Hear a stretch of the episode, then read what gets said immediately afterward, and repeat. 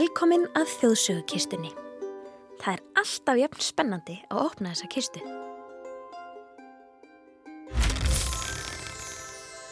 Í dag koma þrjár sögur. Svo fyrsta er frá Nígeríu og fjallar um skjaldböku og töfratrommu. Næsta saga er um unga arabíska stelpu og döðlutrið og að lokum heyrum við eina sögu í viðbót af bakkabræðrum.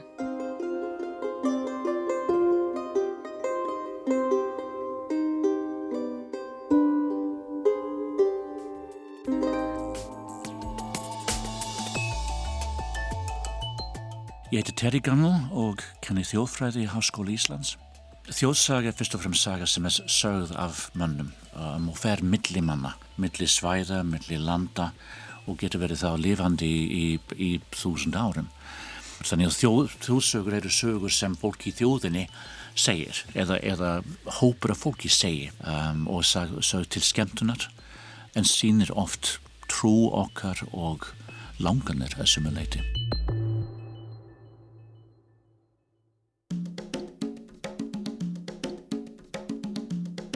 Skjaldbakan og tromman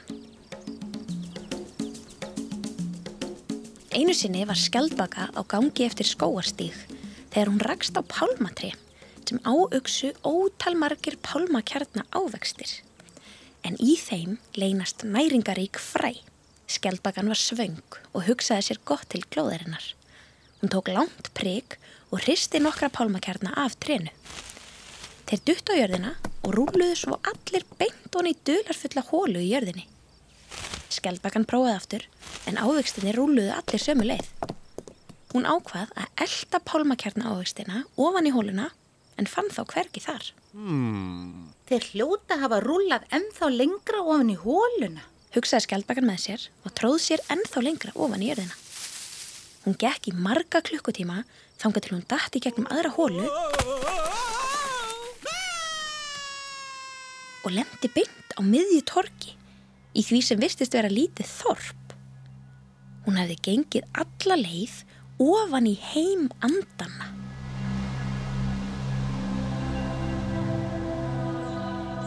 Skjaldbakan leiti kringum sig og sá þá anda sem tögði gladur á pálmakjarna ávöxtunum sem hún hafði hrist af trénu.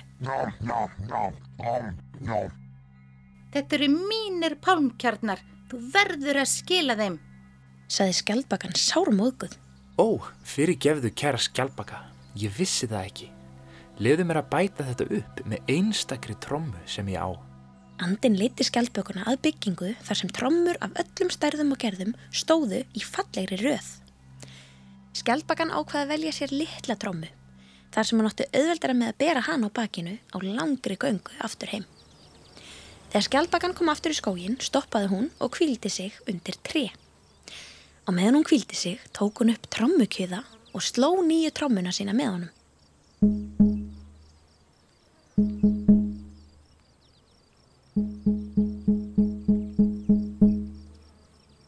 Skjaldbökunni til mikillar undrunar byrtist veistlu máltíð fyrir framann hana. Vá, wow, allur uppáhaldsmaturinn hennar. Hún borðaði þar til hún varð alveg pakksött og sopnaði svo undir trénu.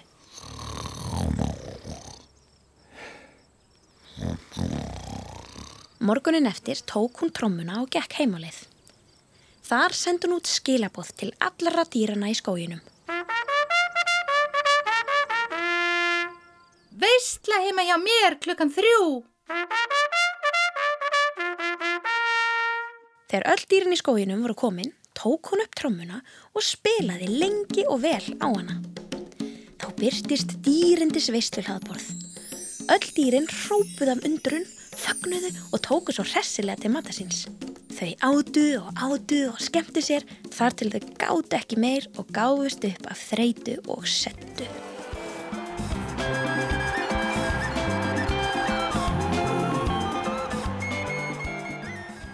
Dæin eftir komu öll dýrin aftur heim til skjaldbökunar.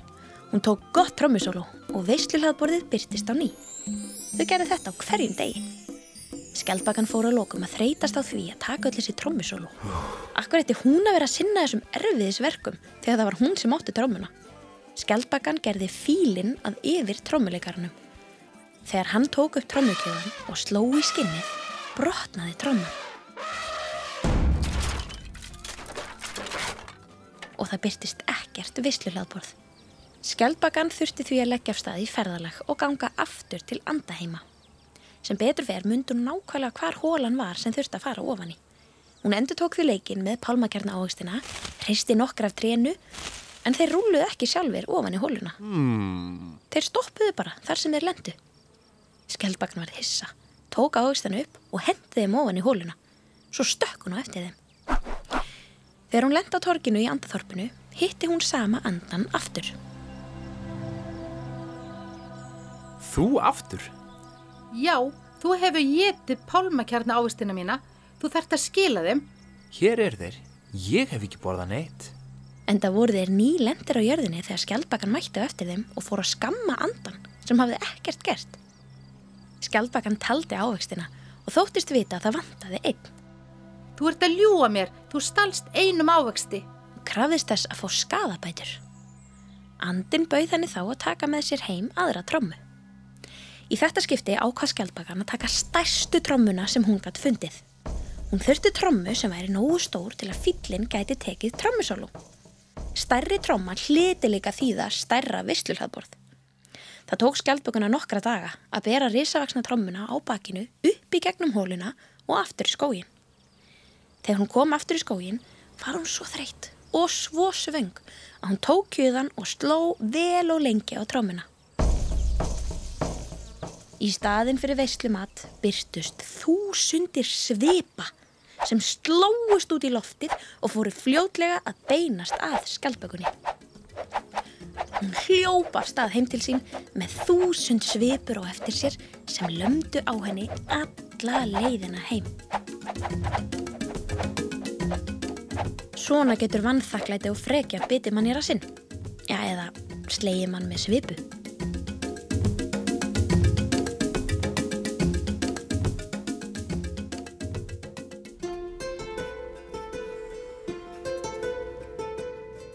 Ég var talað um, um þjóðsögu sagnir sem leiðavísi og kannski besta dæmi sem ég get hugsað um er, er, er, eru sögur um, um álagabletti á Íslandi sem eru kannski á, 70% af sögum sem eru í átnastofnun eru um álagablettir. Og álagablettir náttúrulega byggist á, á, á trú um eitthvað sem gerist ef þú snerti blettin hér. Og saga, sögurnar segja oft frá manni sem hefur heilt að það má ekki snerta blettin hér. Og hann ákveður allt í einu, nei, ég mun ekki trúa þessu, ég ætla að slá.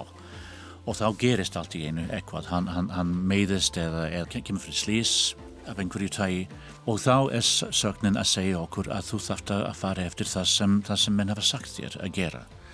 Eins og að spila spil á jólum til dæmis þá kemur draugur í heimsókn. Eða þú tekur upp bein sem þú finnur einhver staðar þá kemur draugur til þín eða þú kasta stein að, að, að um, álfa, álfa kirkju og þá kemur allt í einu álfur til þín og, og þá er verið að kenna þér að berða virðingu fyrir umhverfið. Þjóðsögur á, á Íslandi voru náttúrulega í gamla dag sagðara á, á, á kvöldvökunni.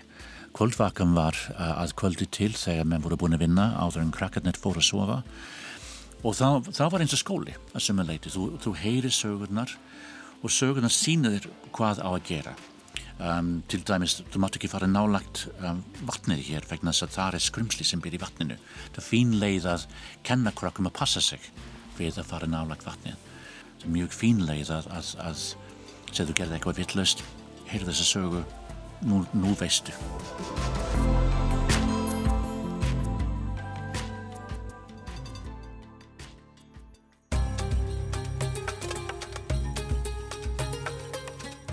Undra treð. Tré eru okkur mannfólkinu mikilvæg á svo ótrúlega margan hátt. Á þeim vaksa allskynns ávextir, gremmiti, fræ og netur sem við getum tínt og borðað.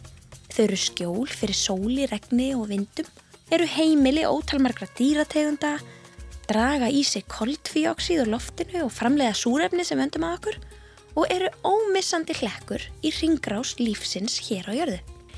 Þess vegna kemur ekkert óvart allur sá fjöldi sagna um tré sem finnast um heim allan.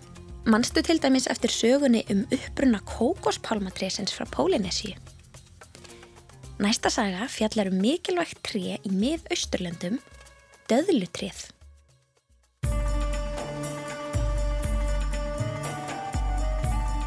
Einu sinni fyrir langalöngu, djúft í eigðimörkinni í Arabíu, bjó höfðingin Ali Ben Ahmed og ættbálkur hans. Arabía er gamalt orð yfir stort landsvæði sem í dag skiptist niður í nokkur lönd. Bahrein, Kuveit, Óman, Katar, Sáti-Arabíu, sameinaða arabíska fyrstadæmið og Jemen. Ali Ben Ahmed og ættbólkur hans byggu í tjöldum sem voru fest í sandin þar sem þun heit sólinn skein allan daginn. Mánuðum saman byggu þau í einangrun en dátti engir ferðamenn leið þarna hjá.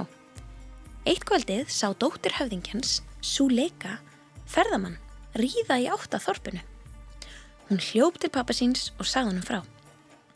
Ali Ben Ahmed kom út úr tjaldinu sínu, stóð við hlið Suleiku og horfiði á sjóndildarhingin þar til hann kom auga á lítið ríkskí langt í suðri.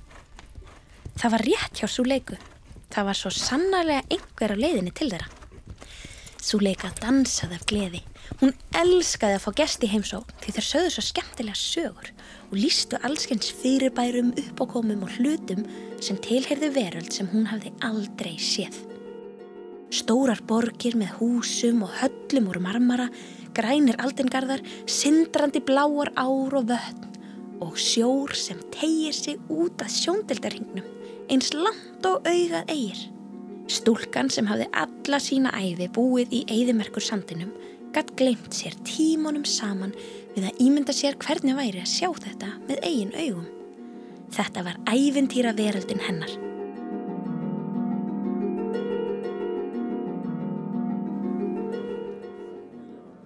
Ali Ben Ahmed kallaði til mennina í ættfloknum og þeir klættu sig allir upp til að taka vel á móti gestinum. Eðimerkur arabarnir voru mjög gestrisnir. Þegar komumadur loksin steg af baki, neyðu þeir sig svo djúft að turbanatnir þeirra snertu næstum því jörðina. Salam! Komumadur tók undir hverju þeirra, neyði höfuðið djúft og sagðist svo vera með skilaboð.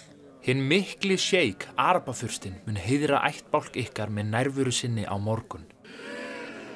Allur ættbálkurinn titraði af spenningi en það var Arabafurstinn eitt svo besti sheik sem þau höfðu haft. Valda mikill maður en einnig góð hjartaður. Það að hann skildi ætla heimsækja svona afskektan hóp var mikill heiður. Hver einasti meðlumur Þorpsins var nú í óða önn að undibúa komu hans. Allir tóku til gjöf fyrir sheikin því það er siður í Arabalöndum að gefa gestum gafir til að sína þeir séu velkomnir. Súleika litla satt hins vegar einn og grét. Hún átti ekki til neitt að gefa þessu mikilvæga gesti. Mamma hennar var í óða önn að taka til fínasta silki sem myndi vera hennar gjöf. Hún reyndi að hugga súleiku. Það er ekki ætlast til þess að börn gefin eina gafir. En súleika held áfram að gráta og huggaðist ekki neitt við þessu orð. Hún laumaði sér burt frá tjöldunum, settist á stóran stein nálagt brunninum og grétt. Allt í einu byrtist þókukend hvít vera sem byrtist vera undurfögur kona með fallegt sjál. Brós hennar var heitlandi og þegar hún talaði hljómaði hún eins og syngjandi lækur. Súleika horfið dolfallin á hana. Þetta hlaut að vera álvadísin í brunninum. Álvadísin sagði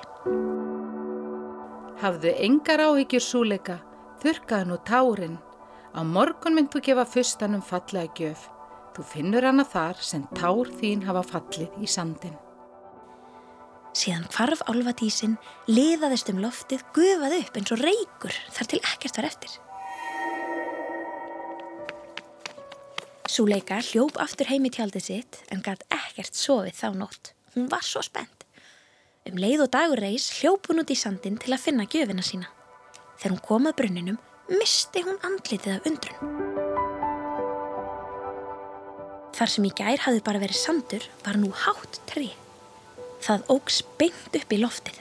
Stopn þess var ber en efst var brúskur af laufum og knippi af brúnleitum ávexti.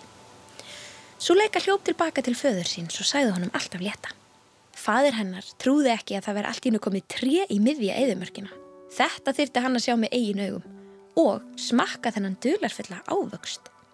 Setni part sama dag mætti hinn mikli sjeik, Arabafurstinn Ben Neti. Meðlimir ættborgsins báru fagrar gafir fyrir hann, skartgripi, ull, silk og stálsverð frá Damaskus. Hinn mikli fursti tók við gjöfunum með þakklæti og rósaði fólkinu. Ali Ben Ahmed sagði þá.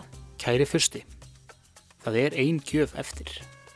Síðan leiti hann Ben Neti að brunnunum þar sem döðlutrið hafði vaksið upp úr tárum súleiku í sandinum.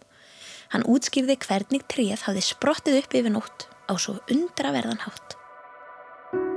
Þegar Ben Neti hafði heyrt alla sólasöguna, sagði hann. Þetta er verðmættasta gjöfin af þeim öllum. Þar sem hún sprettur upp úr einlæri þrá hjartans. Döðlutrið varði upp frá þessu mikilvægt eðimerkur flokkum Arabíu. Svo lengi sem það næra að vaksa upp frá heitum sandinum vita arabarnir að það getur veitt þeim næringaríka ávexti, trefja þræði til að vefa klæði og skugga frá eigðimerkur sólinni.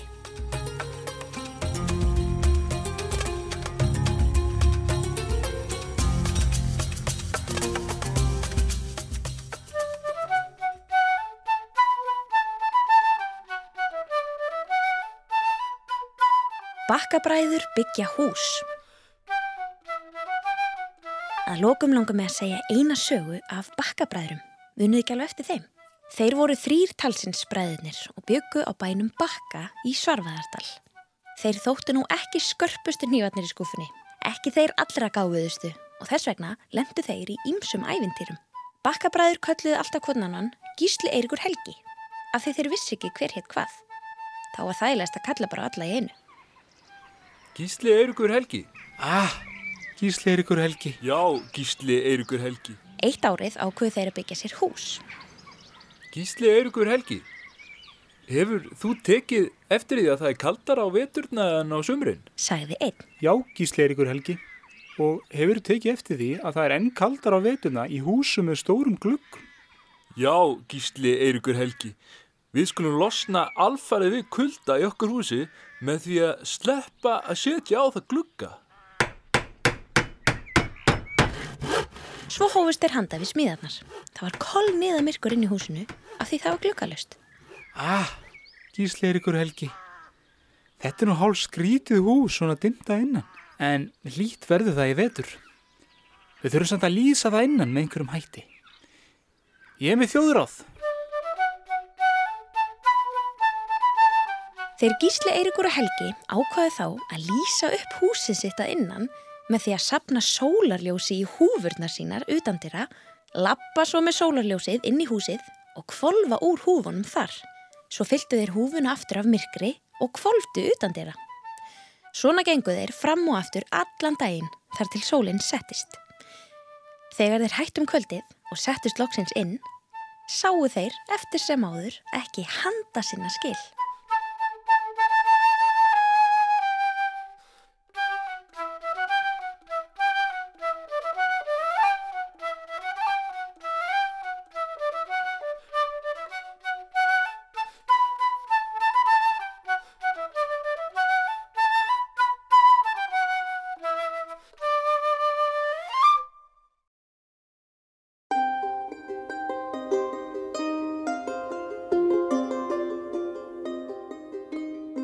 Skjaldbökutromma, döðlu tré og sólarljós í húfu.